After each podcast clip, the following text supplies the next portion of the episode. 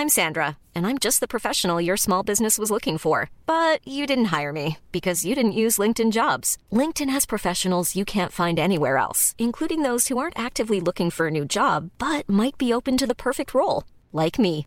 In a given month, over 70% of LinkedIn users don't visit other leading job sites. So if you're not looking on LinkedIn, you'll miss out on great candidates like Sandra. Start hiring professionals like a professional. Post your free job on linkedin.com/people today.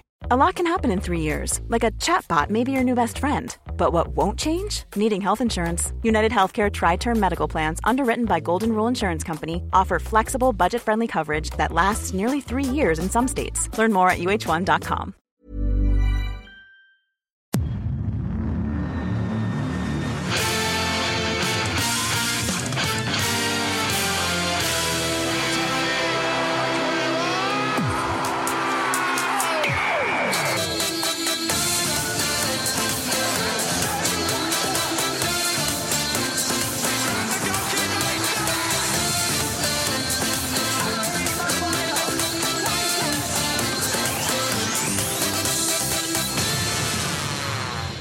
säger vi hjärtligt välkomna tillbaka till ännu en vecka med Rule Britannia. Det är måndag den 4 december, vi har firat första advent och nu väntar ett så in i helvete intensivt fotbollsschema. En midweek som startar redan tisdag kväll och eh, tar oss eh, med hela veckan i stort sett.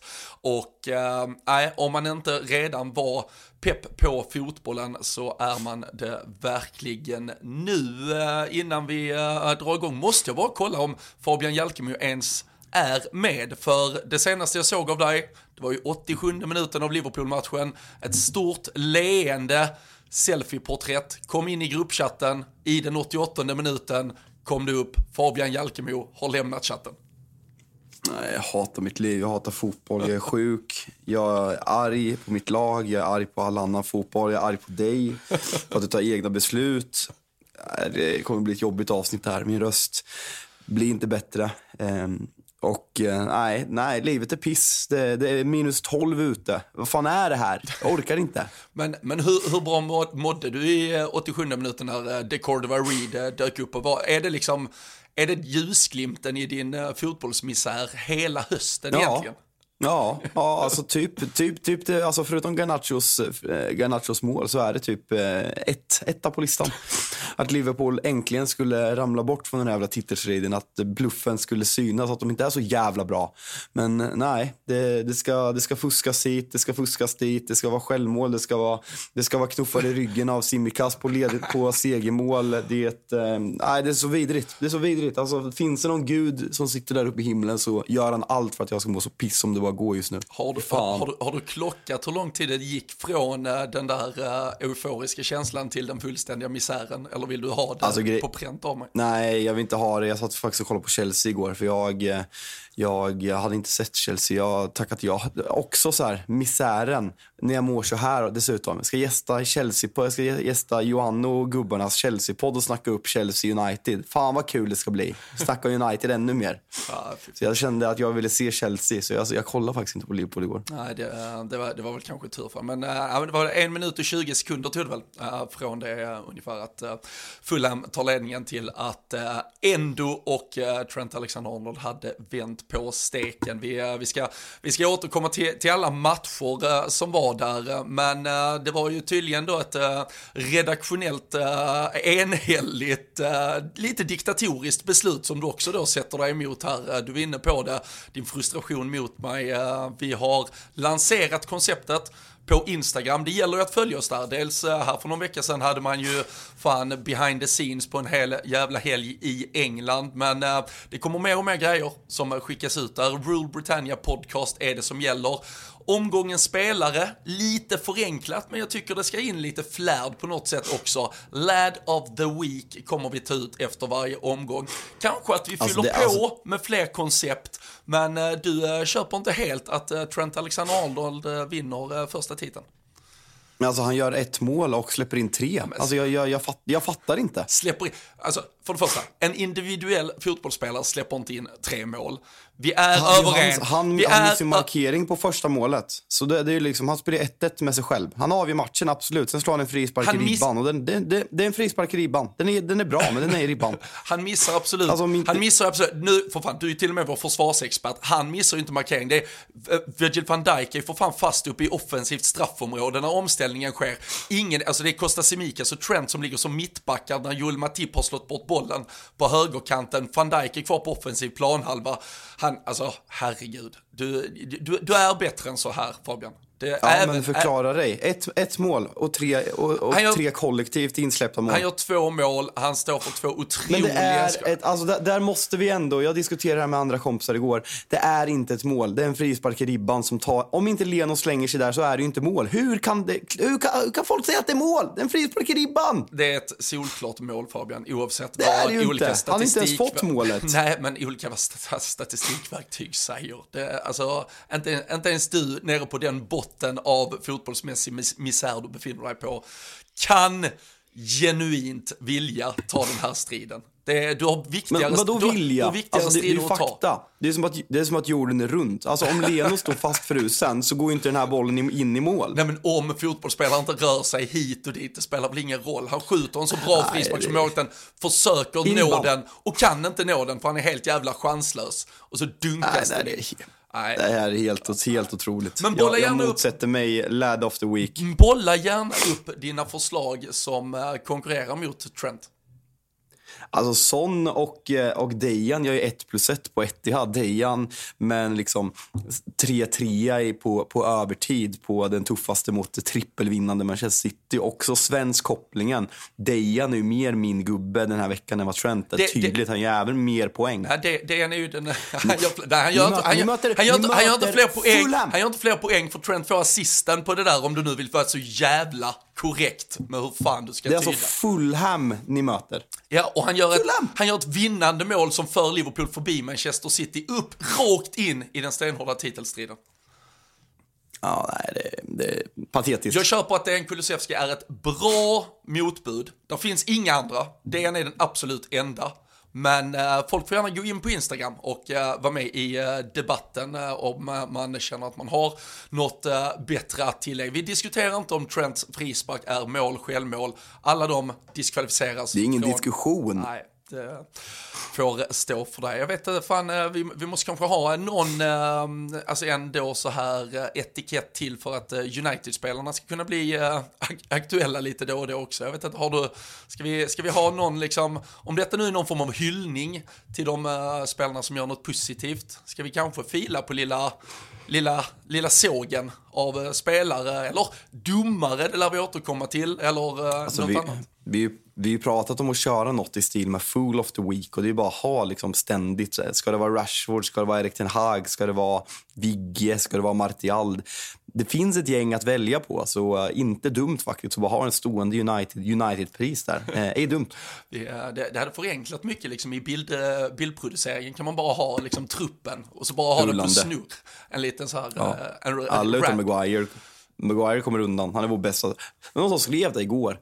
Jag bara så här, nej det är han inte. Men så här, Maguire Uniteds player of the season så här långt. Så bara, ja, ja. Ja, men alltså så här på riktigt. Ja. Kom, kom, kommer du på någon annan? Eh, nej, inte med tillräcklig speltid. Alltså, nej. Nej. Ja, nej, alltså Höjlund har varit bra i Champions League. Onana har varit bra i ligan. Oduglig i Champions League. det, hade varit mag, det hade Eh, varit magstarkt att ge player of the season till en anfallare som inte gjort ett enda Premier League-mål. Ja, nej, alltså, det, alltså ingen är nära ens. Alltså, jag, jag vet inte. Nej, nej, Kobe Minos insats mot Everton kvalificerar upp honom till tredje plats kanske. Men ja, Fy fan. Vi, eh, vi, ska, eh, vi ska komma till Manchester United, vi ska komma till lördagen, men jag, men jag tycker Full of the Week, eh, den, den är bra också.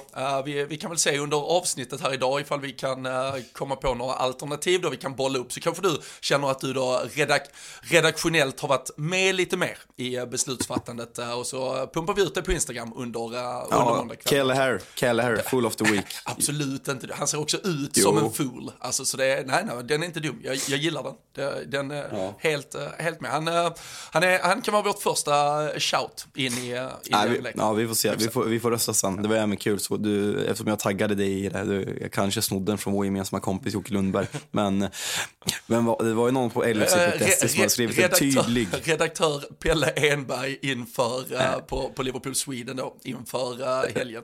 Eh, ja. Ru rubrik, det är dags för världens bästa reservmålvakt att kliva fram. Bara så här. Sitter Arteta med Ramsey på bänken, fattar absolut ingenting. Nej, det, Pelle, för fan. Nej, det, det, det är otroligt. Alltså, han, han lever ju såklart på att han gjorde den där våren, eh, vad blir det, 2021? Nej, 2022, när vi, när vi tar uh, liksom FA-cupen, ligacupen. Han var ju med på den runnen eh, hela vägen och uh, alltså, sen ska ju sägas i någon av de där finalerna räddas vi fram på typ så här 3 mm offside åt rätt håll och lite annat. Men slår ju dessutom in en straff när sen uh, Kepa med. Så han har blivit, han är ju en kultspelare, men folk får då tro att han är liksom världens mest lovande fotbollsmålvakt och att han är typ 17 år. Uh, alltså han är väl typ 24-25 och dessutom liksom högst begränsad om vi ska vara ärliga. Och dessutom det här, alltså uppsynen. Du har ju pratat om uh, Bruno i motgång. Vi kan nog återkomma till Marcus Rashford generellt just nu. Men, men alltså spelare som har... Vart jag på ännu Nej, men alltså spelare som har dålig så här, kroppshållning, liksom bara en tom blick. Det, då kan du inte vara, då, då måste du vara så jävla bra. Uh, och nej, Kelle här. Uh, Men, vi, men, men visst var narrativet e- efter er den här eh, nästan kvadruppelsäsongen när han liksom vinner de där två titlarna att han, alltså han skulle typ kunna vara första målvakt i Premier League, i typ Aston Villa. Alltså i ett lag som ska komma sexa i Premier League. Det var typ ert narrativ då. Vi- Alltså visst var det, Ja, det- åt det hållet nästan? Ja, och sen tror jag, alltså men det var nog egentligen inte så här helt, eh, alltså bara enögt eh, Liverpool. Han fick ju liksom sjukt mycket ändå blickar mot sig där.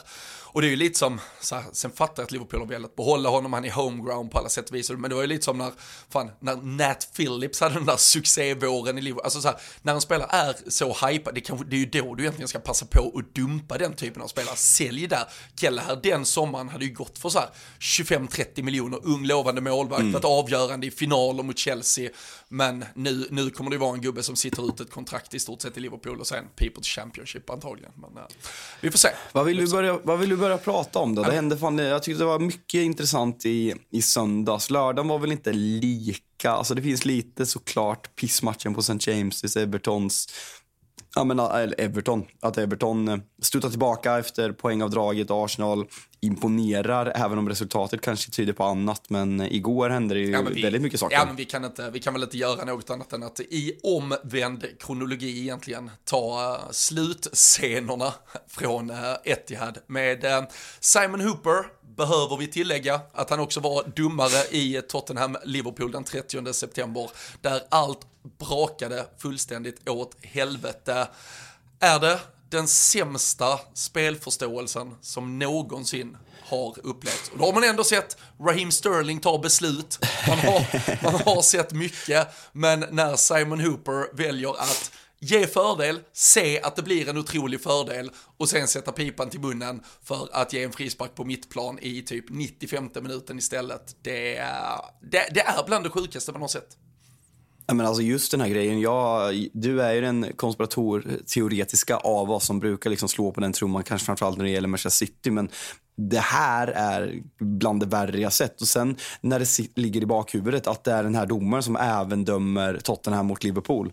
Eh, som liksom ger alla dem tillsammans med varummet fördelarna till Tottenham den här matchen. Och just att det är Tottenham som ja, men klarar sig undan ett friläge på det här helt sjuka grejen. Den här är ju nästan, nej jag fattar inte för han gör det ju så bra och när bollen kommer och Grealish är helt perfekt. Jag vet inte, är det tröjorna? Ser han fel eller är han bara helt dum i huvudet? Jag, jag, jag, jag har svårt att ta in vad, vad det är som sker för jag, jag har inte sett något liknande. Nej, och, och- folk, alltså den som försöker hitta halmstrået att så här, Simon Hooper ändå tänker att med att så här, ja men han s- trodde nog att han var solklart offside och därför drar han hellre tillbaka den. Alltså då är det ju snarare visa fördel, är han offside, alltså då har ju ändå City fått fördel, alltså fördelen är ju att Haaland ska få slå bollen, det är ju inte att han ska bli fri nödvändigtvis. Så fördelen är ju att låta han spela, om han sen spelar in honom i offside, det är ju någonstans inte Hoopers fel, alltså då får ju ändå Hooper säga, jag lät er spela, ni missade chansen till det. Men han behöver ju inte själv ta beslut huruvida Alltså, för den där frisparken på mittplan är ju ändå inte så jävla mycket för det. Så det, det finns inga förklaringar överhuvudtaget. Alltså, jag vet inte, alltså det är väl att han tittar upp, ser att det är ju, visst, Grealish är ju, det är ju en mot tre eller någonting, men han är ju fem meter före och helt fri från halva plan. En sån jävla boll av Håland. Ja, nej, den, är, den, den är helt ute. Alltså, och han, ja, han ligger ju typ ner och hämtar upp den och sen ändå får... Nej, det är... Det, det, är svårt att grejen... Och just att det blir, det blir så avgörande igen. Alltså det är ju... Ja, det är ju, det är ju nästan, alltså det är ju typ tragikomiskt på något sätt att vi behöver sitta här och ha ett så avgörande beslut med oss. Ja, men och sen grejen är så här, nu, nu kanske Håland blir lite överdrivet, eh, överdrivet arg, men, det, ja, men det, det, här är något som man hatar med domare, framförallt på lägre nivåer. När de först gör ett jättestort misstag och sen när folk kommer och reagerar på det, då ska du vifta med kortet. Så Håland slår en perfekt boll som ska bli ett friläge. Domaren gör bort sig och det slutar med att Håland får varning. Sen som sagt, Hålands reaktion kanske var lite, lite, lite överdriven. Men just det där agerandet och domaren, fan, fy fan vi hatar det. Kan bero på att det har drabbat mig ganska många gånger i mitt liv. Ja, och ska vi, alltså så här, vi, om vi väljer att i, inte jämföra äpplen på alltså så här, situationen i sig och sen efterspel, alltså liksom Citys beteende. De, de kommer ju till 100% straffas av FH har väl någon sån här, liksom, när du uh, fail to control your players eller något sånt här, där, mm. där liksom klubben blir straffad. Det kan vi väl vara ganska säkra på. Och, um, och uppfriskande att Håland dessutom inte nöjde sig med raseriutbrottet där utan uh, plockade upp någon, uh, någon liksom så supporter-twitter som, som hade klippet uh, ute och uh, kör en what the fuck uh, subtweet där också. Det, uh, alltså, det här är min ta... lad of the week. Alltså, ja, det, det, här är, det ska alltså, tas till gatorna. Håland är lad of the week. Alltså i, i lads liksom rätta bemärkelse så, så är han ju klart före en liksom välpolerad Trent Alexander-Arnold i detta fallet. Det, det håller jag med om. Det håller jag fullt med om. Jag tycker att vi ska ha lite mer spretighet. Att kan, man kan utgå ifrån alltså, omgångens spelare, men så här, tillkommer så här, men typ en men klassiska svenska, eh, klassiska svenska exemplet, liksom när Kennedy fångar en öl. Då hade ju Kennedy blivit lad of the week, även om det bara innebar en frispark och ett jävla målfirande. Så jag tycker vi borde lägga till lite i laddet. För mig hade det varit, jag tar bort Kulusevski, för mig är det, är det Håland som först gör ansiktsuttryck och visar en ilska och känslor som jag aldrig har sett. Och sen så blir Robin Bylund på Twitter och bara what the fuck. är det, det är fint. Är, är det det närmsta jag och Erling Haaland har varit varandra? Söndagen ja, den 3 december ja. när man twittrar i frustration. Ja, ja jag, jag, tror det. Fint. Men gällande, gällande in, också innan vi går in på matchen. Eh, Peps kommentar om Arteta, ganska kul va? Mm. I'm not gonna do a Michael Arteta. Det, folk har lärt sig att eh, det där funkar inte. Nej, Arteta han har väl haft någon hearing eller för hans straffet har inte kommit eller hur? För han lär väl bli straffad någon match i alla fall. Ja, det skulle jag tro. Och uh, fan, Pep har väl uh, precis som Tenag också redan haft den här, alltså tre, tre gula avstängningar va? Just också, det. tror jag. Så de, tränarna är ändå satta i liksom, lite mer under lupp. De måste bete sig lite bättre. Sen, sen är det ju lätt för Postosuglu att fortsätta vara the good guy när man får sånt här med sig i slutskedena. Jag har inte, jag har inte hört om, eh, om han fick någon fråga just om eh, situationen och hur han upplevde den, men jag kan ju tänka mig att då var det väl att det är svårt för domaren alltså, typ, att ta de där besluten bara eller något. Nej, okej, okej, okej, okej. Quiz då. Jag kommer inte ihåg exakt vad han sa, men på ett ungefär. Han fick ju frågan typ så här, förstår du City och Peps frustration? Vad svarar Ange på det? Han säger väl att uh, domaren uh, gör, gör, sitt bästa och uh, man, man ger nej, och tar. Nej, nu, nej nu, nu tänker du van, nu tänker du van, alla tränare. Alltså så här, tänk vad Arns säger. han, nej du, ge, ge, mig det. Ge mig det istället. Ge mig det. I guess I understand it mate. Okej, det är klart det är ett mate med där också.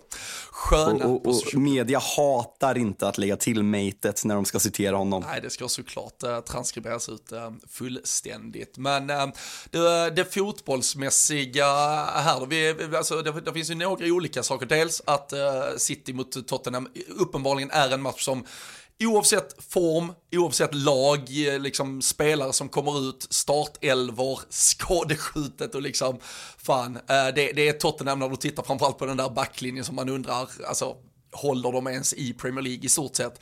Men, uh, det, ja, men det, det blir ju alltid så här, och jag förstår inte hur City inte noggrannare väljer att kontrollera matcherna mot alltså de vet ju att enda chansen för Tottenham att få något med sig härifrån det är ju att det blir, alltså det blir galet där ute. Alltså det, det, bara svänger och det slår och det, det är körning och det är oorganiserat. Och alltså för ett Manchester City som någonstans framförallt kanske de senaste åren har blivit kända för att kontrollera fotbollsmatcher så är ju detta det, det absolut sämsta som kan hända dem. Det, men det händer alltid mot Tottenham. Nu kan man också säga att det har hänt, tenderat att hända oftare även i vanliga matcher senast. Vi har 4-4 mot Chelsea, vi hade 2-0 underläget mot Leipzig. Det har varit ett City med lite mer ytor, lite öppnare fotbollsmatcher. Men mot Tottenham så är det ju, det är ju mardrömmen varje gång. Mm. Sen, nu, nu har man mött ganska, eller väldigt tuffa lag de här fyra matcherna mot Chelsea, Liverpool, Leipzig och, och Spurs. Men man har alltså släppt in 10 mål de här fyra matcherna. Innan det hade man släppt in 14 på de 16 första i, i ligan. Så det är en, en lavinartad ökning i insläppta mål. Och så här. Det går, som vi sa när vi var och kollade på matchen live, att det går att säga att City är, City är överlägsna. City ska vinna den här matchen under alla, an, enligt alla underliggande siffror. Men likväl så släpper de till chanser och de har gjort det tidigare mot Spurs. Så det är ingen slump Sen går det liksom att ta parallellen till, till Liverpool. Liksom Liverpools höga backlinje blev väl ganska blottad den här matchen när man saknar Alisson som är världens, enligt mig, överlägset bästa målvakt på att rädda just en mot en. Här har vi en målvakt som när City släpper till de här chanserna på kanske framförallt Son, liksom, Dejans mål i slutet, det är inte jättemycket att göra åt, det är en otrolig prestation. Men just de här kontringsmålen, 1-0 målet är ett praktexempel. Ederson får inte släppa in det målet. Alltså han får inte släppa in det målet. Och Ederson släpper in för mycket mål och City släpper till för mycket bra chanser. Sen, det, City ska ju vinna alla de här matcherna. Det är det som är så konstigt när man ska sitta och analysera också. Ja, och nu eh, så liksom, eh, blir vi väl en lite repig skiva, men vi adderar ju bara en match till det här där vi pratar om eh, slut, slutminutsförlust mot Arsenal, man tappar ledningen sent mot Chelsea, man tappar ledningen sent mot Liverpool, man tappar ledningen sent mot Tottenham. Det, mm. det är ju ett City som uppenbarligen inte har Alltså för, för allt vi verkligen ska berömma Manchester City med så är det ju någonting som saknas just nu i att trycka kniven i motståndare eller välja att strategiskt någonstans nästan parkera laget och lida sig ut till de tre poängen, för det klarar man inte riktigt. Nej, och du var även snabbt ute. Alltså så här, nu är det tre poäng upp till Arsenal. Liverpool har gått om, man parkerar på tredje plats i ligan. Eh, du var snabb ute på Twitter och eh, noterade att Rodri var avstängd i nästa match som en ruggigt tuff bortamatch mot Aston Villa som väl eh, har vunnit varenda match på hemmaplan den här säsongen. Och behöver jag påminna dig om hur det gick för Manchester City i de tre matcherna som Rodri var avstängd i tidigare i år? Uh, blev det en seger och två förluster kanske? Eller? Det var tre förluster om jag inte helt fel ut va? Var det tre förluster till och med? Ja, var det kuppspelet ja, som kom man, däremellan också? Ja, man åkte ut mot, eh, man torskade ju Wolves, Arsenal Precis. och sen torskade man mot Newcastle i ligacupen. Så tre förluster. Ja, fy fan. Ja, vi får, mm. vi får se hur, eh, hur eh, det blir med detta. Och sen även Doky klev av med något som ser ut att vara någon ljumsk problematik, va? Någon, någon, någon skit i alla fall och ersattes av en Jack Grealish som sen tar ett gult kort som också betyder hans femte, han är också avstängd. Så det är ju ett, det är ett city där det ändå liksom uh, finns faktiskt fog för lite frågetecken inför just Villa. Och ett Villa som visserligen, det blev bara 2-2 mot Bompan med moralstärkande. Watkins kom till spel, han gör både mål och assist. bytte man ju såklart ut i FPL också som bara förstörde min söndag och gjorde den ännu värre. Alltså, alltså igår Alltså igår, igår var jag på botten 2023. Alltså utan, utan överdrift. Jag, jag var så arg. Alltså jag kokade. Det kanske du märkte av. jo, det, var, det var frustration på. Men vad fan, du fick in Darwin Nunes i alla fall. Det är väl alltid något. Han... han... Mm, don't get me started. Alltså så här, jag, jag, riktade någon liten kritik. Det var ingen kritik mot Darwin egentligen. Jag tycker att han är bra. Jag tycker att Ljungberg hade ett jävligt bra snack. Det var länge sedan jag kollade studion. Men jag tycker Ljungberg, om vi tar bort anglicismerna som jag inte själv får kritisera för att jag använder själv ibland. Ljungberg börjar bli riktigt bra. Mm. Visar känslor i studion, har bra analyser. Det märks att han brinner för det han säger. Sånt behövs i svenska studios. Så jävla cred till Fredrik Ljungberg. Trodde jag aldrig att jag skulle säga. Men dit jag vill komma. Jag håller med honom mycket i det han säger med Darwin Nunez. Men det jag ifrågasatte, som folk gick på mig på Twitter också, var att att jag Alltså han, Liverpool-fans målar upp honom som en jävla kultfigur, som att han är liksom bäst i världen. Ja, han har delar som är jättebra, men han har inte fått ut det och det är ju det som ska ifrågasättas. Den här matchen är ett praktexempel. Problemen med jag ser med Darwin Nunes. Liverpool är nära på att tappa poäng för att han sumpar så fruktansvärt jävla mycket när Salah levererar till honom och det där kommer kosta Liverpool förr eller senare. Nej men så, så är det ju, alltså tar vi missarna eh, under säsongen så... Och frillan Robin! Ja, det, nej den, det, det där är fan inte okej. Alltså den, det, det, det finns inte, det, det där får åtgärdas uh, illa kvickt. Det, det, vem fan var det? Var det Glenn Strömberg som inte kunde bli värvad till Juventus en gång i tiden på grund av att han hade för långt hår? Den här frillan borde ju, dis ja, men den här borde ju diskvalificera Darwin från att kliva ut på träningsanläggningen här på måndagen i stort sett också. Men, nej men alltså, missarna har ju kostat mot, mot Luton borta så har han väl äh, tre, fyra lägen där vi, som han ska göra mål mm. på. Där, där blir det ju bara 1-1. Här igår så, så är det väl det är väl snarare att här, här kan jag ändå tycka att han kommer till chanser som många andra kanske inte ens hade kommit till och sen så gör han det för dåligt ändå, absolut, det, det kan man ju tycka. Sen är han ju faktiskt väldigt involverad i uppspelet, det är han som nickar ner den till Salah som lägger upp den till Endo som gör 3-3. Han är inne i boxen och vinner dueller inför 4-3 målet. Så at the end of the day så är det liksom ändå en spelare som, som är ja, men, högst delaktig i att Liverpool vänder och vinner, vilket ändå försvarar honom lite eller så här ursäktar insatsen. Men det är klart vi också kommer ha ett par, tre, fyra, fem matcher varje säsong där hans dåliga avslutsteknik, eller inte ens teknik, för han har rätt bra till, men ja, att han helt enkelt bränner målchanser kommer vara det som vi måste ta med oss och sitta och vara förbannade över. Vi hade Luton, vi kommer ha fler och eh, vi får väl, eh, ja, vi får väl se exakt var, eh, var fan eh, det där landar. Men jag, som sagt, jag, jag tycker vissa är för hårda och bara dömer på att man tycker att han missar uppenbara sitters. Medan jag tror de som ändå ser Liverpool ser vikten, jag tror igår var en match där fler frustrerades över en Luis Diaz till exempel och det finns, det finns annat som, som Liverpool kan göra bättre. Men Darwin Nunes med, med hur han ser ut, hur han för sig, prislappen han kom med.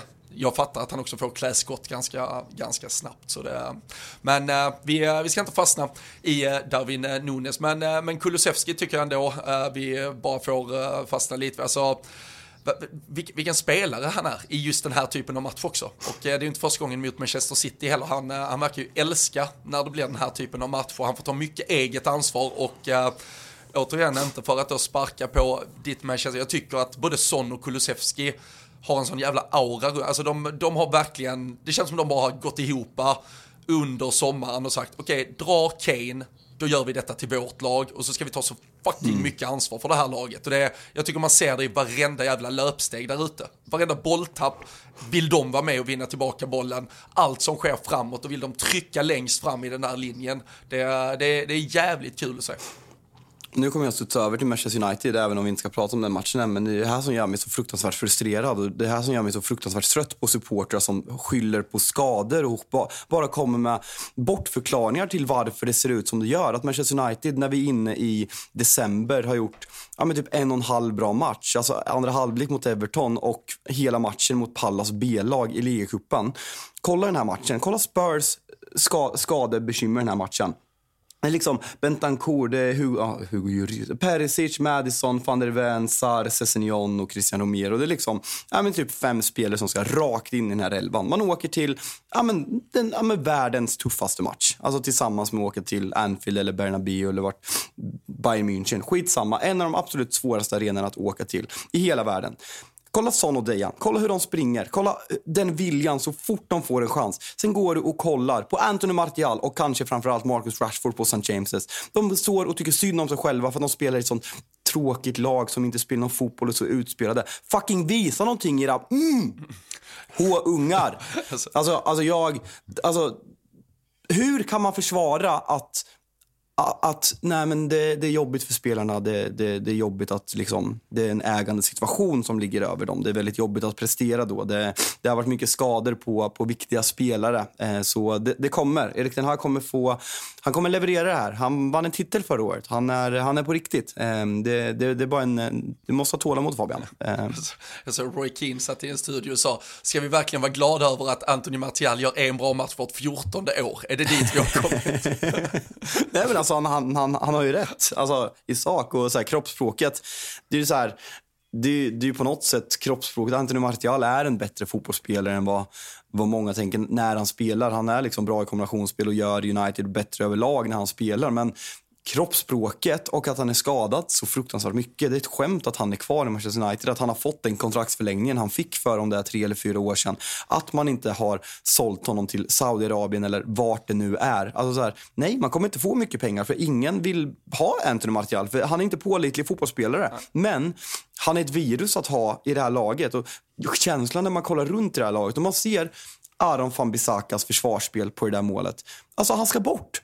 Folk som sitter och berömmer Aron van Bissaka att han har blivit bättre. Ja, han har blivit bättre, men han, han, hur, många, hur många lag i Premier League platsar Aron van Bissaka som högerback på? Två kanske? Tre? Fyra? Ja. Så man kommer på över halvan och spelar en offensiv fotboll. Alltså, Livramento. Kolla, kolla, kolla Newcastles ytterbackar. Livramento och Kieran Trippier. Alltså, Aron van Bissaka förtjänar inte att knyta någon av dem skor. Nej. Nej, jag köper det. Det var, det var där du landade från Dejan Kulusevski. Jag, jag förstår att det är mycket, mycket som... Ska vi, prata, ska vi prata Villa eller Chelsea nu? Eh, jag tycker Bompan var bra av det jag såg. Eh, imponerande. Lite, lite otur att de inte får med sig alla poäng där. Men Watkins 1 plus 1. Mm. Fortsätter. Ja, nej men verkligen och det, det fastslog vi väl senast att uh, han är the real deal. Han, uh, han ligger där precis bakom eh, uh, Holland som, uh, som en av ligans, eller kanske då ligans bästa nia bakom den uh, omänskliga längst fram. Men, ja, men kom, liksom viktigt, kommer till spel, det var osäkert innan, man märker att, hur mycket han betyder. Jag tycker också att att, att Villa generellt har börjat liksom kombinera visa, vi har pratat om deras styrka på hemmaplan, alltså ändå någon form av karaktär nu, visst det är bara en poäng man löser, men, men det handlar ändå om att vara kvar i matcher, ta poängen, visa moralen, gör, göra det som behövs och äh, men Aston Villa fortsätter ju att imponera, kommer att stöka till det. Du, du utlovade att de skulle fira advent äh, i, i topp fyra och eh, I'm Sandra, and I'm just the professional your small business was looking for. But you didn't hire me because you didn't use LinkedIn jobs. LinkedIn has professionals you can't find anywhere else, including those who aren't actively looking for a new job but might be open to the perfect role, like me. In a given month, over 70% of LinkedIn users don't visit other leading job sites. So if you're not looking on LinkedIn, you'll miss out on great candidates like Sandra. Start hiring professionals like a professional. Post your free job on linkedin.com/people today. Mom deserves the best, and there's no better place to shop for Mother's Day than Whole Foods Market. They're your destination for unbeatable savings, from premium gifts to show-stopping flowers and irresistible desserts. Start by saving 33% with Prime on all body care and candles. Then get a 15-stem bunch of tulips for just $9.99 each with Prime. Round out Mom's menu with festive rosé, irresistible berry chantilly cake, and more special treats. Come celebrate Mother's Day at Whole Foods Market. Hey there, it's Michelle Norris. I'm host of a podcast called Your Mama's Kitchen. When I travel, I'm usually looking for a way to find a taste of home when I'm not at home. And one of the things I love to do when I am at home is entertain. And Airbnb allows me to do that. When I was in California recently, I rented a house that had a great kitchen. And when we were sitting around the table, we were all thinking, we're in someone else's house. Someone could be in all of our homes as well. If you have a home, but you're not always at home, you have an Airbnb. Your home might be worth more than you think. Find out how much at airbnb.com slash host. Och det fick vi och vad fan är de? En poäng bakom Manchester City. De går ju om City om de vinner Midweek. Ja, det är, det är faktiskt helt jävla otroligt. Eh, det är, nog eh, kan väl inte säga, så jag tycker samtidigt vi var tidiga med att eh, börja berömma detta Aston Villa och vi har väl haft väldigt rätt i, i den tidiga analysen av att det här kunde gå riktigt, riktigt bra för, för Emery och gänget. Tycker de har fått till Visst, det, liksom, det blev väl fel match att konstatera det i när man släpper in två mål mot Bournemouth, men Bournemouth gör också många saker rätt här. Det, vi ska inte ta det ifrån dem, men tycker de har fått till ett försvarsspel eh, också. Esri Konsa tycker jag är riktigt, riktigt bra i den där backlinjen, har ju gått in och Även då Matty Cash har uh, fått stå åt sidan lite, man har gått in på det här med liksom spela en extra mittback istället uh, för att uh, även där utveckla sitt spel lite mer. Så jag tycker Villa gör mycket rätt just nu, imponeras av dem. Ska vi komma överens om Western Palla? Ska vi bara, ska vi lämna det där jag sa precis blir det enda vi säger om den matchen? Det, är du med på det? Det, det köper jag helt och hållet. Men Chelsea satt du och tittade på. De var favoriter inför den här matchen. Det var ett del i den eh, trippel du hade, det, det, det, spel som satt då tyvärr på grund av hur, eh, vilka jävla sjöslag det blev på de andra två arenorna. Men eh, Chelsea tar alltså sin fjärde seger det här kalenderåret. Nio segrar har det blivit totalt 2023, men eh, trots en fin jävla start så höll man på att fibbla bort det efter att eh, Conor Gallagher tar ett eh, jävligt onödigt andra gul. Alltså, lite full of the week-känsla att, att gå in och ta det gula när laget äntligen är på väg att få lite rätsida på saker och ting. Alltså hade de tappat poäng så hade det verkligen varit det och han har ju en av de få Chelsea-spelare som vi har berömt det här året. Och då liksom har han binden, får förtroende med Reece James, eh, avstängd sen eh, det förra veckans röda kort mot, mot Newcastle. Man får inte göra så här. Och det är bara, alltså det är väldigt nära att, att Brighton får med sig någonting i den här matchen, men det, det, alltså överlag över 90 minuter gör väl Chelsea en ganska bra insats. Man, man spelar bra. Brighton gör ett otroligt snyggt 2-1 mål precis innan utvisningen. Så det blir ju otursminuter där precis innan, innan, innan halvtidspausen. Men eh, sen Brighton pressar, pressar på. Sen så Mudruk, eh, Chelsea en riktigt snygg kontring när Mudruk... Eh, var inte James Milner Mudruk mötte sina första 45 minuter förra året när han hoppade in och gjorde Premier Leagues bästa insats genom tiderna? Han var sina första 15 minuter, men det var ju en kvart ja som ja. lovade mycket. Absolut, absolut. Ja. Och nu eh, så vart han en mot en mot, eh, med James Milner eh, hasande i ryggen och eh, blev inte straff, men VAR klev in och tog den. Jag varit lite förvånad. Jag vet, eh, jag vet regelboken att eh, försöker man gå efter bollen så kan det inte bli straff och rött men jag eh, tycker inte att James Milner försöker gå efter bollen här. Han försöker stoppa honom med armen och han råkar haka i honom med, med benen också. Så jag, jag tycker att det här är rött kort och blev, in, blev ganska förvånad att det inte blev det. Så uh, 3-1 där. Enzo Fernandes gör sina två första mål för Chelsea. Mm. Eh, hörde jag av kommentatorn och även, vem fan var det som gjorde, eh, Colwill mm. eh, gjorde också sitt första mål alltså, för Chelsea. Firade inte! Nej, Jättekonstigt! Jo, fast han gör ju, alltså det är ju väldigt roligt för det första, han, han märker ju inte att bollen, eftersom den eh, ja, studsar ner Nej, på mållinjen så att säga. Så han sitter ju på, på, på knä och fatt, tror att han har missat och sen så får han ju ändå signal från domaren som dessutom typ signalerar, alltså din touch, det var mål och så liksom, och då flyger han ju upp, firar och sen inser, Just fan, det var, det var Brighton, det var där jag var förra säsongen. lugna mig, lugna mig, lugna mig. Men, men, men där tycker jag faktiskt, för då, om din instinktiva reaktion är fira, då ska du fira, alltså för då är det ju det du vill ja. göra. Om du däremot, liksom, placera, låt säga att det hade varit en straff han slår in, han vet om, fan det är mitt förra gäng, jag har respekt som fan för dem, jag ska såklart göra mitt jobb, jag måste göra mål för mitt lag nu, men efter jag har gjort det, lite lugn och ro. Men har du redan börjat fira, då har du redan visat att du skjuter fullständigt i alltså du vill ju bara slakta dem, du vill ju vinna med 20 Felix igår. Ja, ja, ja, alltså det, nej jag tycker, uh, låt det gå på instinkt och uh, har man problem som liksom motstånd, alltså han var på lån där en som var glada att ni fick låna honom lite, alltså fan unna honom en framgång nu, det var, nej, fira loss för helvete. Vad eh, känslan då? Chelsea, var, vart är de på väg nu? Har som sagt, ska åka till Old Trafford, skeppet, mm.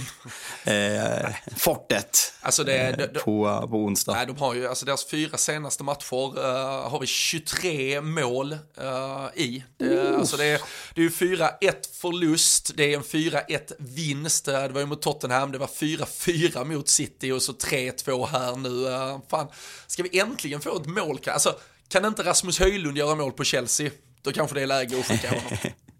Ja, det är dags att skicka, skicka allt. Skicka allt verkligen. Ja, men jag vet inte vad vill du säga något mer om... Eh, vill du säga något mer om... Nej. Nej, men jag vet nej. inte vad man ska förvänta Alltså det är ju fortfarande alltså, strukturerna i Chelsea som är, som är jättemärkliga. Och nå, någonstans lite, och det var ju så här, det var ju något folk lyfte i början av säsongen när Liverpool fick ett par alltså så här, onödiga och dumma röda kort också. Att man så här, vad, vad är det som är fel här? Är det något, är man mentalt inte riktigt på plats eller är det att man någonstans kommer typ fel in i situationer och vad beror det på i så fall? Jag tycker också det ändå signalerar någonting i Chelsea här med Rhys James slarvigt, drar på sig det röda förra uh, veckan, Gallagher nu som du säger tar ändå binden, Chelsea kommer lite rätt in i det. Någon form av övertaggning, någon form av så här, man vill mer än vad man kanske har typ ben eller kompetens till, dra på sig ett rött, det, det känns fortfarande inte som att man har hittat någon form, och det är också de här resultat, eh, alltså, eller resultatraden jag nämner visar ju också om att det är ju ingen stabilitet, du kan ju få en match med fyra mål framåt, du kan lika gärna få en match med fyra mål bakåt, du kan till och med få både och i samma match. Och eh, det är ju något, alltså du måste ju, visst nu är det United, det, de här typen av stormatcher kan alltid leva sina egna liv hit och det, men de måste ju hitta en, liksom, någon form av eh, alltså, högre lägstanivå mot de lagen man ska vinna. Jag, jag gillar så här, nu kommer inte Chelsea vinna, vinna ligan, men jag vet när Liverpool har gått mot ligan, det är så här, beat the dross, win the League. Alltså, allt det du ska vinna måste du börja vinna. Och jag, jag känner bara inte att Chelsea har den det lugnet i sig och det, det har väl, alltså sen fattar jag, det är en ung, det är en spretig jävla trupp, han har bara kastat mm. ut spelare där, men han måste ju börja hitta två, tre, fyra, vilka är det som ska styra det här Chelsea-laget? Vilka ramar är det Chelsea ska ha? Och eh, där har de väl en del att jobba med just nu. Jag eh, börjar se att folk börjar ifrågasätta Robert Sanchez eh, ganska mycket. Och det, det är väl bara Landi. Han är inte tillräckligt bra för att vara första målvakt i ett lag som vill utmana om de platserna som Chelsea vill. Sen, alltså, kollar man på den här backlinjen, alltså, ytterbackar finns ju. Louis Caldwell har spelat där. Kuchereya har steppat upp den här säsongen tycker jag verkligen.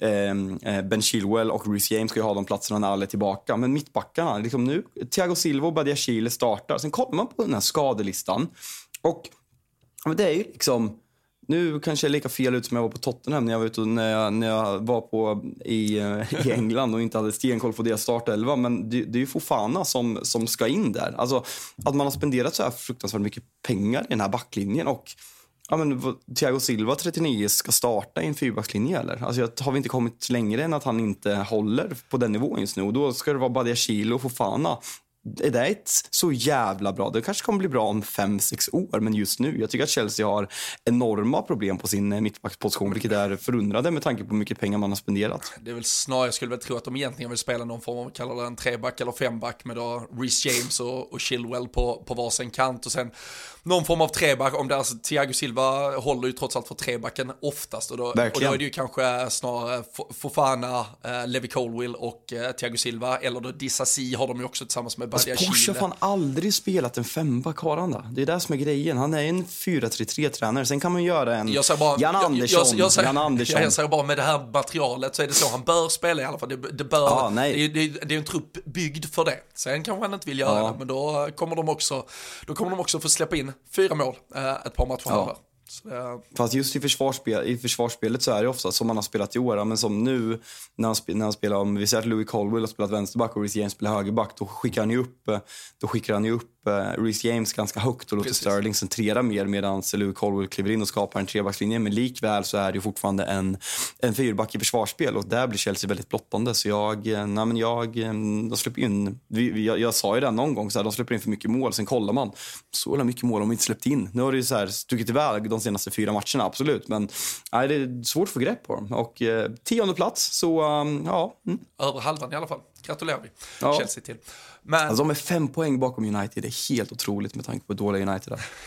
ja, men du, du, du, hade väl någon spaning på att ni inte var så jävla många poäng efter den absoluta toppen heller? Så det, där snart. Ja, alltså det var ingen spaning, det var ju hårda fakta. Precis som att Trent var självmål. ja, precis. Men du, eh, hur känns det att eh, det bara fick vara en vecka som eh, Garnacho hade årets mål innan Alexis McAllister tryckte iväg den i bortre krysset? Snälla. Det, Snälla. Det är väl ganska solklart va?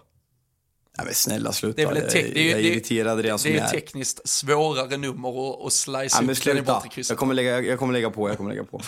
vill, vi, eh, vill vi säga någonting om eh, Liverpool? Så vi konstaterade att Kelle här eh, sannoliken liksom inte ingjuter någon form av lugn i, i den där backen. Kan ju konstatera, när nu alla klagar på skadekriser hit och dit, Liverpool måste vara utan, nu Joel Matip gick av skadad, vi är utan vår vänsterback, vi är utan vår målvakt.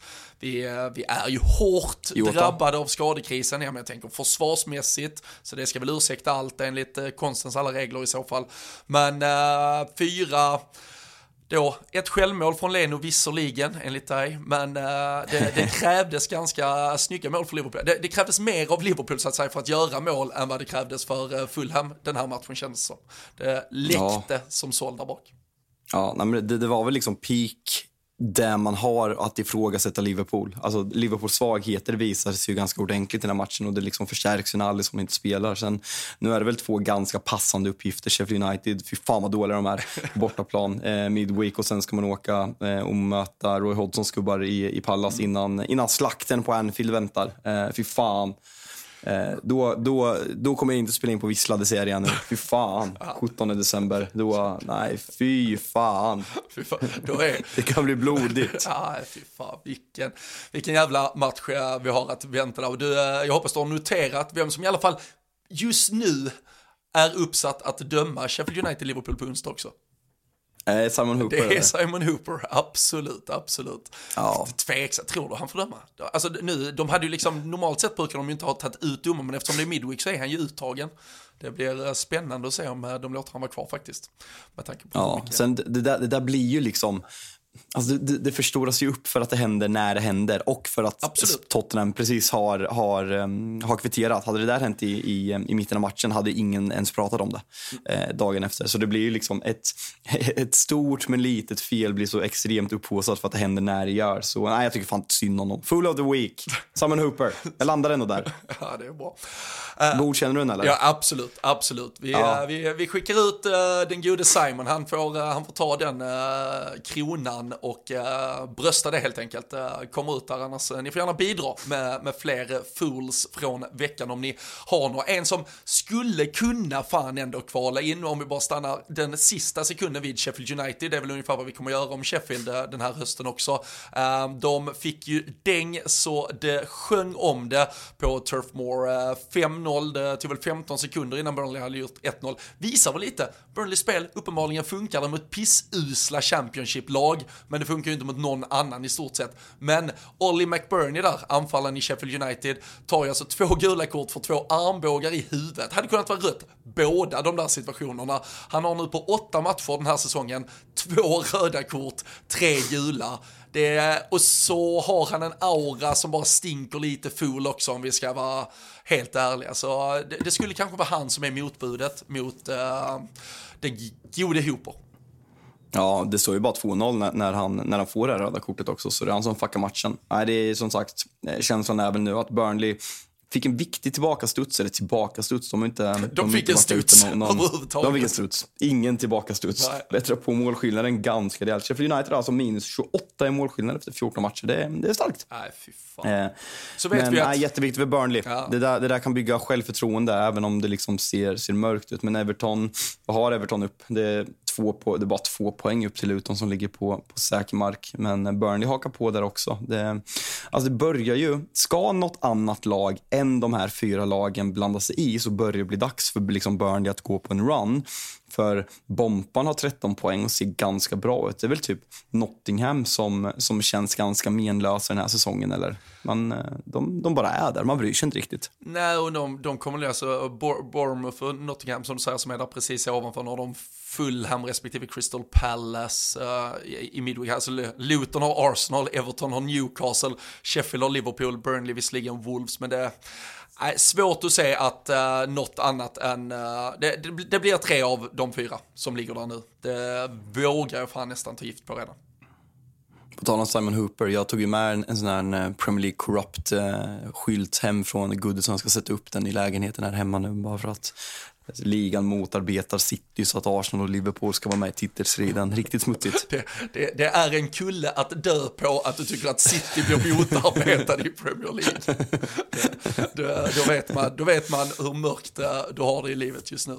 Men äh, vi får se, Sheffield kommer väl studsa och äh, precis som Luton hade det mot äh, Liverpool på hemmaplan så kommer väl hela Bramall Lane eh, bara leva upp och, och vara något jävla fort här på onsdagskvällen bara för det och så eh, tar de eh, någon äh, skrällseger och Liverpool får inte ordning på någonting överhuvudtaget. Ahmed Hodzic, tvåmålsskytt. Och vet du vad vi ska säga innan vi går vidare till lördagen? Att vi är precis som vanligt sponsrade av våra vänner på ATG.se och eh, vi är inne på trippeln. Liverpool och City minus 1,5 gick ju inte vägen. Surt, för de eh, kändes som fina spel på förhand, men eh, vi tar nya tag och eh, vi är i kontakt med ATG och vi försöker faktiskt jobba in en liten trippel till onsdagsfighterna. Mm.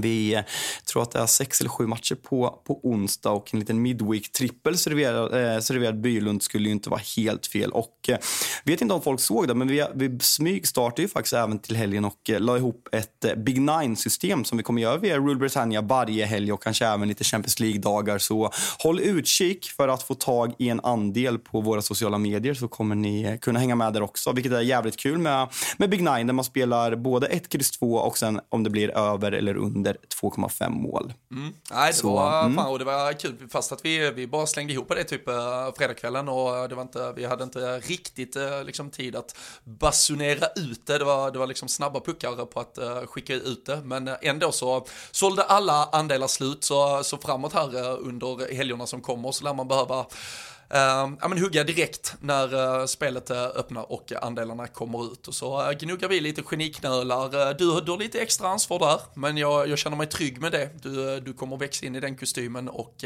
så kan man rygga då både Big Nine-spel och tripplar. Håll utkik på både Twitter och Instagram så kommer det där. Och vill man lägga spel på ATG så ska man bara komma ihåg att man måste vara 18 år fyllda. Skulle man ha problem med spel så finns stödlinjen.se.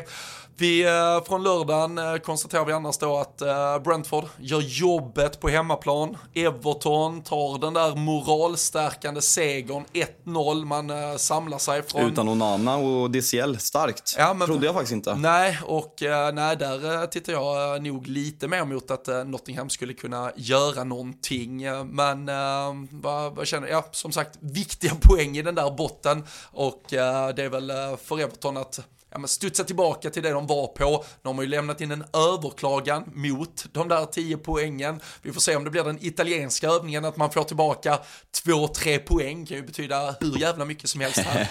Kan ju också bli, jag tror de har lite samma system som eh, man har med avstängningar. Du vet när man överklagar så kan man ju ibland bli straffad med en extra för att man ja, ah. fuckar systemet. Jag vet inte om ja. Everton då kan riskera att få ytterligare någonting. Uh, samtidigt så vet jag däremot att det är böcker som ska in nu vid årsskiftet som också kan tynga Everton för uh, framtida utredningar. Så vi, vi får väl se. Vi, uh, alltså, det hade ju varit skönt att bara få bokslut på allt det här. Alltså så man vet vad fan man ska förhålla sig till i alla fall. Ja, men typ, ja, men typ Juves förra året, det var så klart väldigt sent och sen var det typ någon förlikning att säga, men vi kommer överens, vi skippar och spelar Europa nästa år och sen så kör vi nollställt från med nästa säsong så, så, så är alla nöjda och glada. Det luddigt. Tack. Annars från lördagen, jag tycker att Arsenal eh, Arsenal är riktigt bra. Vi har varit i den här diskussionen som Carragher snodde av oss eh, om de liksom är det en liten formsvacka som gör att Arteta spelar ett mer cyniskt, riskminimerande spel?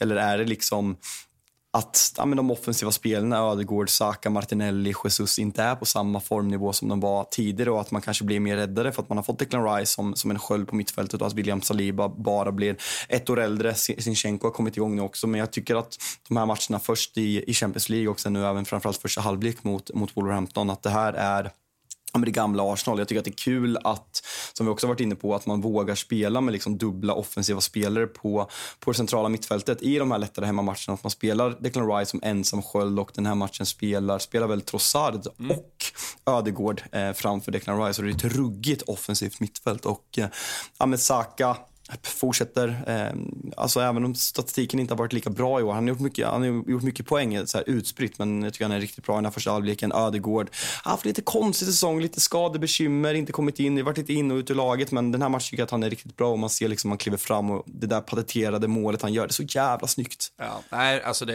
det är ju ett Arsenal som Ja men som jag tycker de eh, gör det man ska förväntas också. Eh, som sagt det är ett intensivt spelschema och eh, nu har jag Teta varit ganska försiktig med roterandet i framförallt i de offensiva spelarna. Vi pratade ju med Pierre att han har lite kanske då laborerat defensivt på senare tid snarare. Men, men offensivt så har han ju gått väldigt starkt på alltså de spelarna han tror mest på. Det var Champions League-spel i veckan.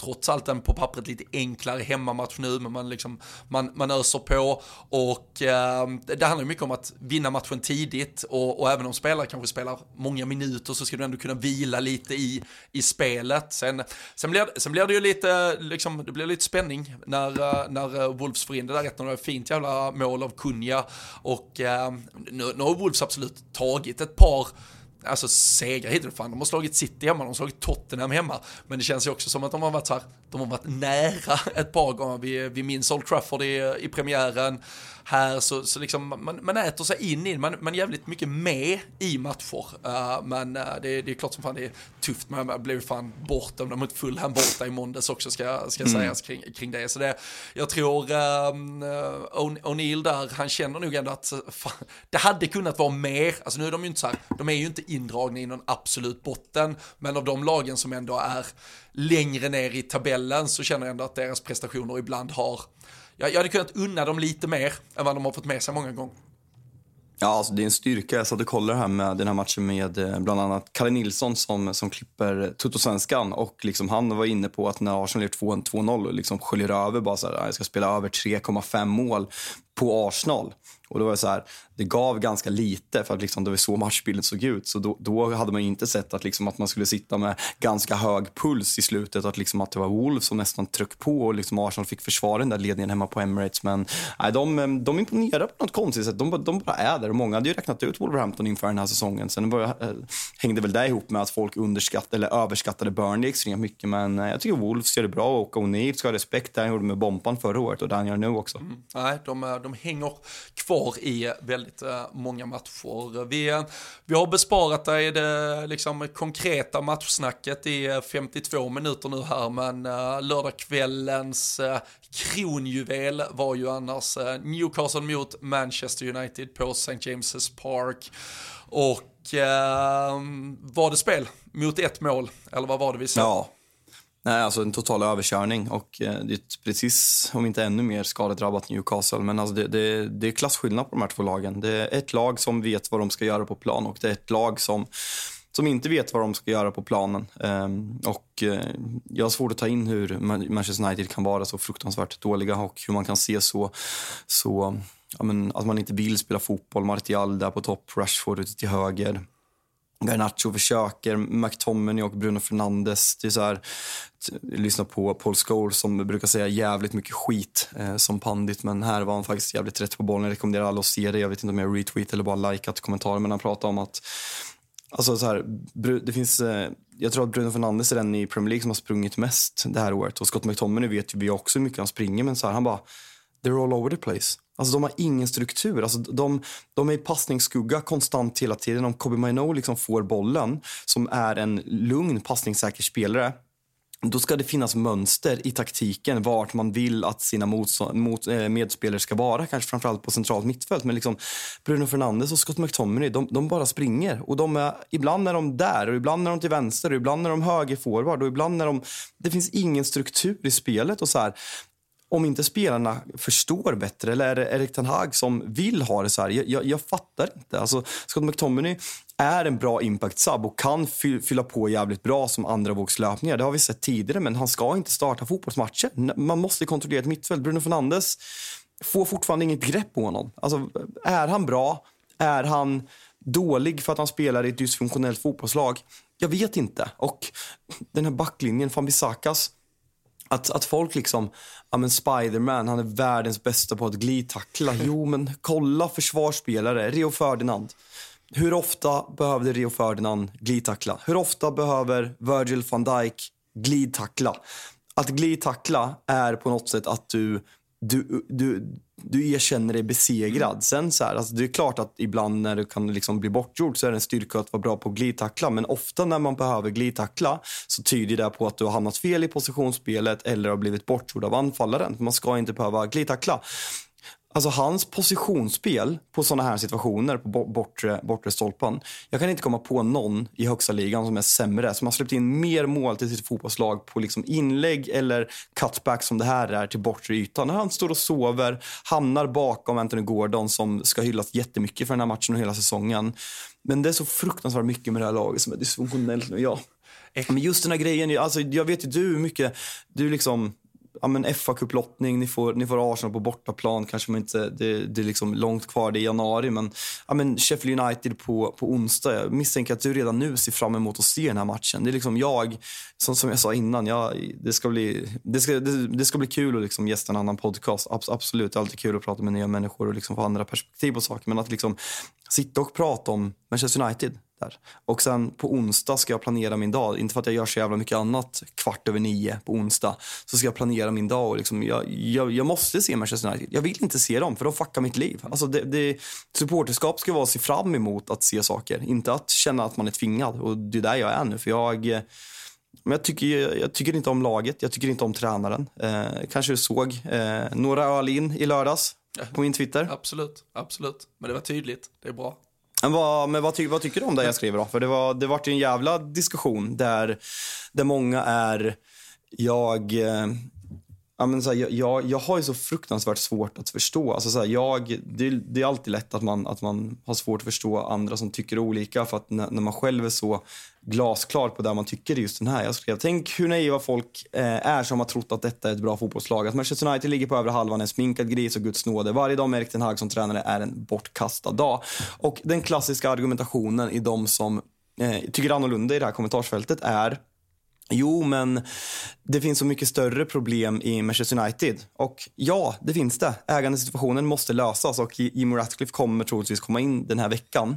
Men kan man skylla Marcus Rashfords beteende där ute på högerkanten på att Glazers är ägare? Kan man det Robin? Nej men det är klart man inte kan. Och det är ju det här liksom, jag, jag kommer inte eh, ta, ta, ta, ta beslut huruvida det är rätt eller fel att behålla Erik Ten Hag eller ens ha riktigt en åsikt kring det. Jag, jag är nog inte kvalificerad till att varken, varken tycka eller försöka vara vara klar i vilket beslut Manchester United bör ta. Men, men det jag köper helt, det jag, där jag kan känna igen mig i dig, det, det, det är ju alltså, ja men någonstans, alltså hopp, att Erik Ten Hag inte ingjuter mod eller framtid. Jag såg någon intervju med honom efteråt och man ser alltså folk som går ut och försöker försvara att vad, vad han ska kunna göra om han bara får honom. Ja men han måste sälja in koncept, han måste sälja in vad är det han vill göra, vad är det han vill få ut av det här Manchester United, vad är det han ser för saker som är bra. Han, han står ibland efter matcher och säger, ja trots förlusten eller trots resultatet så ser jag bra saker. Vad är de bra Alltså du måste sälja in projekt projektet, idén, du måste förklara, du måste han måste bli en bättre storyteller på vart Manchester United kan ta vägen och det är han ju inte. Alltså, jag vet inte om det är det språkliga som begränsar honom där och det är ju en lätt dörr att slå in men jag tror han borde kunna göra det bättre ändå ifall han faktiskt hade en klar jävla plan på vart Manchester United ska ta vägen. Och kombinationen av att han känns ja men typ kompasslös. Det, jag, jag, känner inte att han i alla fall har stakat ut en, ja men en väg, en riktning, någonting som ni United-supportrar kan vara beredda att följa med på i alla fall. Och sen då att han i tillägg till det har bärande spelare, kanske då framförallt personifierat av Marcus Rashford ute på planen som inte verkar tycka det är kul att bära Manchester Uniteds tröja och när a local lad, och det var också en diskussion jag såg som Keane, Carragher och gänget hade kring just Marcus Rashford, att det är någonstans, Alltså Erik Ten Hag, han kan komma och gå, eh, supportrarna kommer alltid stå där och ditt förbannade jävla jobb som the local lad, den som alltid i andra tider vill vara Manchester through and through, den som vill bära den fanan högst. Det är nog nu det hade behövts att du visade det lite, att du blödde på planen, att, att du kanske fan smäller lite hårdare än alla andra, att du springer lite mer än alla andra, att du leder det här laget. Och kombinationen i Manchester United just nu av att tränaren känns lite kompasslös och att den som ska vara den största stjärnan känns känslolös egentligen till hela projektet. Det tror jag är liksom mm. den perfekta cocktailen för att man som supporter ska, ska ifrågasätta och varför i helvete ska jag bänka mig 50 dagar i vecka eller 50 dagar om året för att se det här förbannade laget när varken tränaren verkar veta vad han ska göra med laget och vår största jävla stjärna som tjänar 4 miljoner i veckan inte orkar bry sig om det. Varför ska jag då göra det? Nej, alltså det, det, där man landar och som du är inne på, alltså de här kom kommentarerna och sen alltså det, det språkliga bör man störa sig ännu mer på när, när det går dåligt. Att han ja, men på, till, till mångt och mycket saknar karisma. Men sån här, alltså David Moyes kommentarer efter, efter Galatasaray. I am very pleased. You see the style of this play that, that is very proactive, proactive, dynamic and brave. Ja, men så här, jag vill inte höra det när man spelar 3-3 mot Galatasaray. Det kan, han ta på, det kan han ta på taktikgenomgången dagen efter så att fan trots, för, eller, trots poängtappet så såg jag bra saker, fine. Men i, alltså, möta pressen, skicka ut till supportrarna måste vara något helt annat. Alltså skicka ut att du är förbannad, att du vill mycket mer, att du är besviken på att det blev som det, alltså som sagt, han, han, har en, han säljer inte in varken sig själv eller tron på vad ni sysslar med på något bra sätt. Men såg du vad han sa efter matchen här? Han bara, vi hade en kvittering i mål, men det var offside. Jaha. Ja, och det var ju så, Alltså så här, och det var också vi- så här, det var ju jättemycket offside, så du kan inte ens dra det kortet om du nu vill försöka göra det. Och, och, och det är klart att så här, alltså, om, om man, om man ligger under med 1-0 och det kommer upp till 85 minuten, om man inte ens kan pressa på för en kvittering då, då är det något kraftigt fel. Att han liksom tar med sig det som något positivt. Han måste ju tänka liksom, ge supporterna vad supporterna vill ha. Och jag, alltså Erik den Hag värvades ju för en style of, eh, style of fotboll. Nu vart jag Fredrik Ljungberg, förlåt. Um, han värvades för ett, för ett sätt att spela fotboll från Ajax och han gav ju upp den typen av fotboll för att nå kortsiktiga resultat förra året. För att liksom han insåg att han kanske inte hade spelarna för, för att göra det. Och då är det så här, vart landar en tränare när han ger upp filosofin han står för? Alltså det är inte därför vi tog honom och det är därför jag tror att det, De Serbi är ett intressant namn långsiktigt. För jag tror inte att De Serbi hade gett upp sin ideologi för någonting. Och det är där som det andra, alternativ, det, det andra exemplet i, i, i mitt kommentarsfält när jag landade i att jag vill att Erik Den Hag ska lämna min klubb är ju att men kolla på Arteta, han kom åtta för, sin första säsong. Kolla på Klopp, han kom sjua sin första säsong. Jo, men man måste ju kunna hålla två tankar i luften samtidigt. Man, bara för att det lyckades med Arteta, bara för att det lyckades med Klopp, bara för att det lyckades med Sir Alex Ferguson 1986 så kommer det inte göra det med Erik Ten Hag. Man måste kunna se någonting och Arteta är även ett praktexempel på en som trodde på sin ideologi stenhårt hela tiden. Jürgen Klopp är också en som trodde på sin ideologi stenhårt hela tiden, bara att han inte hade spelarmaterial till det. Direkt när han fick in sina spelare, Alisson, Salah, van Dijk, så satt allting. Arteta börjar få in sina spelare nu och de fatt, fattar hans taktik. Det börjar sitta nu. Erik Ten Hag har värvats för 4,5 miljarder på ett och ett halvt år och ingenting, ingenting sitter. Och det är snarare hans värvningar som är de sämsta. Onanas säsong, patetisk. Hur mycket han är en, en näst bästa målvakten i Premier League enligt Erik Ten Hags siffror. Man kan inte beräkna bara Premier League. Champions League är en del av säsongen. Anthony, Premier Leagues sämsta värvning genom alla tider. Kanske. Han är uppe och, han är uppe och nosar på liksom Coutinho och Griezmann till Barcelona i sämsta genom alla tider i hela världen. Så dålig är han. Rafael, alltså United, så, du sett den här statistiken säkert, alltså 100-106 skott eh, tillsläppta de senaste fem matcherna. Eller vad det var. Det är liksom matchen mot Köpenhamn, Luton, Galatasaray, Newcastle och Everton. De alltså, snittar 20 skott mot oss per match. Och då kollar man så här, ja, men vilka, spelar, vilka spelar i den här backlinjen? Oh, Harry Maguire. Uniteds spelare av, av eh, Uniteds bästa spelare i år. Victor Lindelöf. Mm. Har vi inte landat i att Victor Lindelöf inte är tillräckligt bra för att spela i det här laget? Adam van Bissaka. Usel. Vi har haft, eh, vad har vi mer haft? Och sen, och sen kollar vi, vad sitter på bänken? Rafael Varan. Femfaldig Champions League-mästare för Real Madrid. Har han fått spela någon av de här matcherna? Nej, för han är efter Johnny Evans i orden också om han hade varit skadefri. Lisandro Martinez, kan man skylla allting på att Lisandro Martinez är skadad? Är det Lisandro Martinez som ska hålla ihop den här backlinjen? Luke Shaw kommer tillbaka. Ja, det såg bra ut mot, eh, mot Everton. Mot Galatasaray var Shaw patetiskt dålig. Nu kliver han in som mittback. Shaw, jag, jag älskar Shaw. Eller nej, jag älskar inte Shaw. Jag tycker om Shaw. Jag älskar fan ingen i det här laget. Lisandro älskar jag. Annars tycker jag inte om... Jag tycker om Shaw. Jag älskar Lisandro. Resten hatar jag. Men så här. Är det inte hans uppdrag som tränare att om han har någon beef med Rafael Varan eller han tycker att Harry Maguire ska spela till höger i, eh, i, i, eh, som mittback. Han har ju alltid spelat vänster mittback. Eh, Erik Ten Hag har ju spelat honom som höger mittback eh, hela den här, alltså sen han kom in i laget. Kan inte Rafael Varan spela vänster mittback? Är det då bättre att ha Victor Nilsson Lindelöf eller Johnny Evans? Älskar, Johnny Evans älskar jag också. Där har vi två. Eh, Alltså jag, jag fattar inte. Det är ditt uppdrag. Och så här, United support som sitter och skyller på att ja, men, Lisandro Martinez måste komma in. Han ska styra upp allt det här. Kolla på det här mittfältet. Alltså, Kobe Maino blir punktad av Joel Linton. Alltså, fattar du bra när lag börjar punkta honom direkt, Robin? Alltså, vilken spelare. Ja, det- älskar Kobe Maino. Nu är vi uppe i tre älskar. han, är ju Fan, jag snar, bara han, är, han är ju snarare den enda som kan spela fotboll, det är väl bara det som är lite Ja, annorlunda. men alltså, när, de punktar, när de punktar honom ja, när de punktar honom och låter Scott McTominay och Bruno Fernandes sköta upp spelen och liksom ställa sig i passning. De ställer sig i passningsskugga för att de inte fattar bättre. Eh, ja, det är Chelsea på onsdag. Det är jättekul Andas, att eh, andas, hålla på med dess. fotboll. andas fram tills dess. Du, du har eh, ett och ett halvt dygn här till att samla, samla kraft och styrka, eller två och ett halvt dygn. Fan, det kan ju vila ut ordentligt. Du kommer vara redo, du kommer till och med vara sugen på lite fotboll, eh, ska du säga. Så det, kommer bli hur bra som helst. Eh, Det är som sagt, eh, det är en jävla jävla midweek eh, som väntar. Vi, eh, vi ska ta ett snack där Matgrej kanske kommer ut en liten britt-trippel till, jag skulle tro att det blir onsdagsfighterna i så fall. Som du sa, vi har sex matcher där. Vi har Liverpool som ska till Sheffield, vi har Aston Villa mot Manchester City, vi har United mot Chelsea. Det är en fin jävla onsdagkväll. Den ska man ju såklart hålla fullt fokus på. Följ oss på Twitter och Instagram så ser man där när vi skickar ut alla eventuella spel och eh, som sagt 18årsstödlinjen.se om man ska lägga några spel eller om man skulle ha problem med spelande. Men eh, vi konstaterar... Och det här, och, mm. ja, men, ja, men det här, alltså så här, det här är ingen, det här är ingen uppmuntran, det är en jävla order. Följ oss på sociala medier. Ja men verkligen. Alltså nu. Och eh, mm. som sagt, eh, där kommer ju också då, Full of the Week eh, landar i Simon Hooper va? Trots konkurrens ja. av uh, hela, hela, United kanske i och för sig uh, kändes det som här hela under, United, under sista kvarten. United, McBurney ja. och uh, Darwins hår. Ja, Dar Darwins hår, fy fan. Det det. Eller Darwins frisör kanske som går med på detta. Vilken sjuk ja. jävel. Någon borde alltså, stått, känslan är, tror du, för, tror du Ferguson hade tillåtit nej, det där? Nej, känslan är nej va? Nej, sluta, herregud. Det nej, att du ens funderar på om han hade tillåtit det där. Nej. Det hade ju varit kul om Klopp kommer in med jävla sekatör efter, efter matchen och bara det är inte okej. Okay, nej, men alltså, alltså, väljer du den frillan då måste du göra hattrick direkt i stort sett. Det, det går inte. Uh, nu det är bara att klippa det.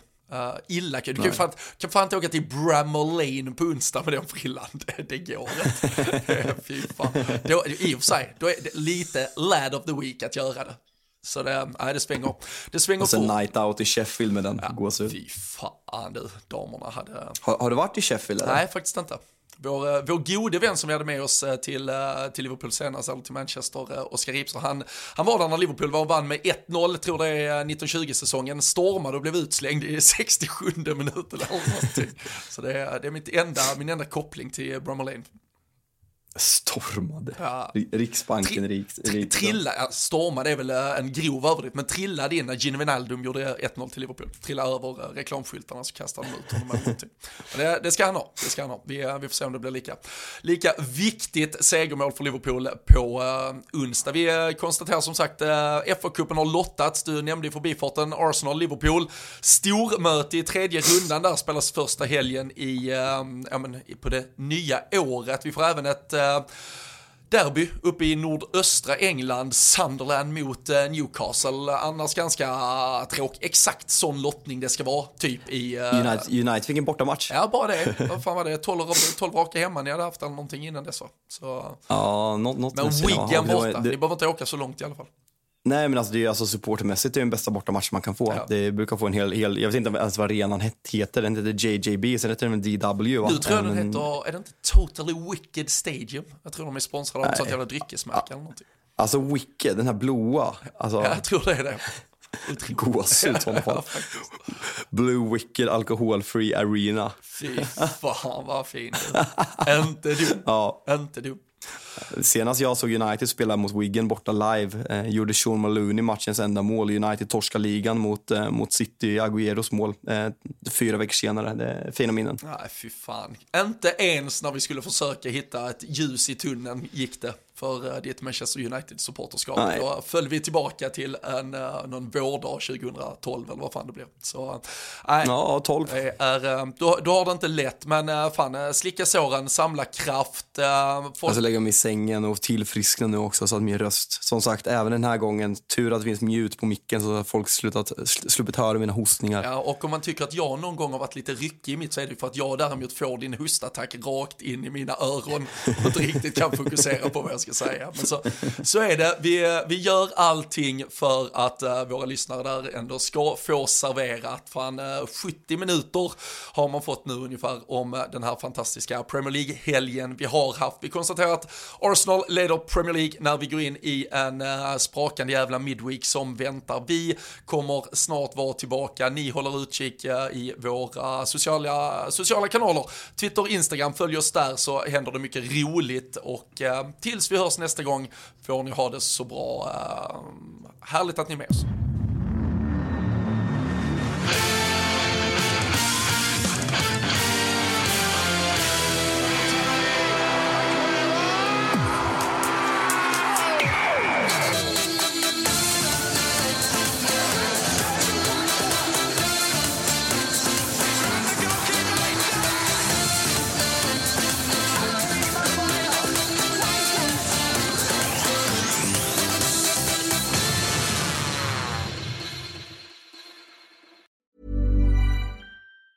Planning for your next trip? Elevate your travel style with Quince. Quince has all the jet setting essentials you'll want for your next getaway, like European linen, premium luggage options, buttery soft Italian leather bags, and so much more. And it's all priced at 50 to 80% less than similar brands. Plus, Quince only works with factories that use safe and ethical manufacturing practices. Pack your bags with high-quality essentials you'll be wearing for vacations to come with Quince. Go to quince.com slash trip for free shipping and 365-day returns. Mom deserves the best, and there's no better place to shop for Mother's Day than Whole Foods Market. They're your destination for unbeatable savings, from premium gifts to show-stopping flowers and irresistible desserts. Start by saving 33% with Prime on all body care and candles. Then get a 15-stem bunch of tulips for just $9.99 each with Prime. Round out Mom's menu with festive rosé, irresistible berry chantilly cake, and more special treats. Come celebrate Mother's Day at Whole Foods Market.